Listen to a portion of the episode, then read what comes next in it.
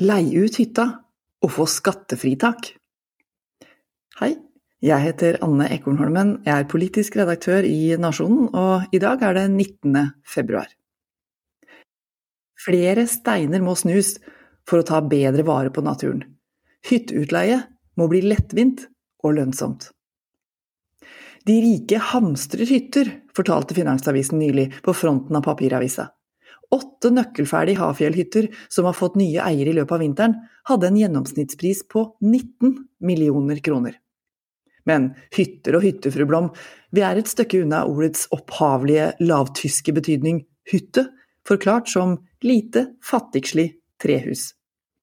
Vi snakker høystandardboliger med alle innlagte bekvemmeligheter, boblebad og varmekabler i oppkjørselen, et hjem nummer to som brukes i ferie og fritid men allikevel står det tomt rundt 300 dager i året.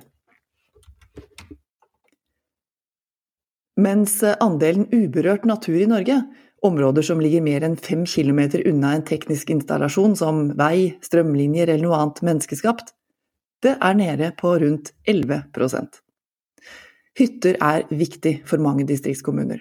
De bidrar til ei aktiv bygg- og anleggsnæring, til inntekter fra tomtesalg for lokale grunneiere, og deltidsinnbyggerne skaper store ringvirkninger i reiseliv, handel og turisme.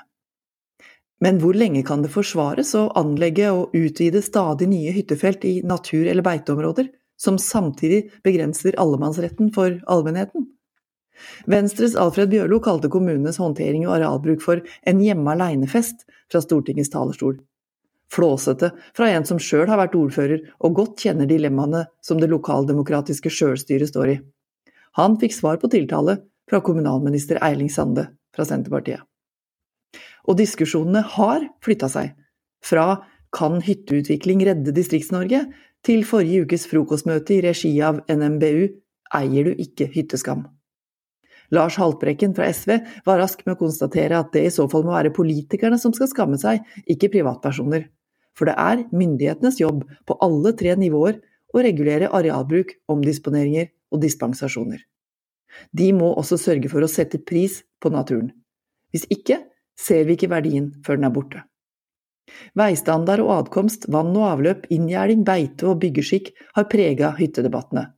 Nå ser flere også utbyggingas konsekvenser for landskapsendringer, naturmangfold og naturtap. Inngrep i uberørt natur betyr at gjenværende arter blir mer sårbare.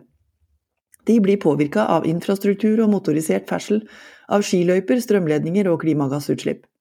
Strømkrevende hyttebyer beslaglegger dessuten natur også helt andre steder når mer kraftproduksjon må bygges ut. Så åssen bruker vi de 500 000 hyttene som allerede fins? Vi må snakke mer om varme og kalde senger. Varme senger soves i, de leies ut når eierne ikke er der. Flere kommuner krever at nybygde hytter må gjøres tilgjengelige for utleiemarkedet. Det får bruken opp og avtrykket ned. Grunneiere og utbyggere er ikke kjempefans, de veit at en sånn klausul er krevende. Nordmenn er ikke så glad i å dele, og systemene for utleie er ikke bra nok, foreløpig. Det vil komme. Høye strømregninger har pressa fram mer utleie fordi folk vil dele på kostnadene, få inntekter på et hus som står der tomt 300 dager i året.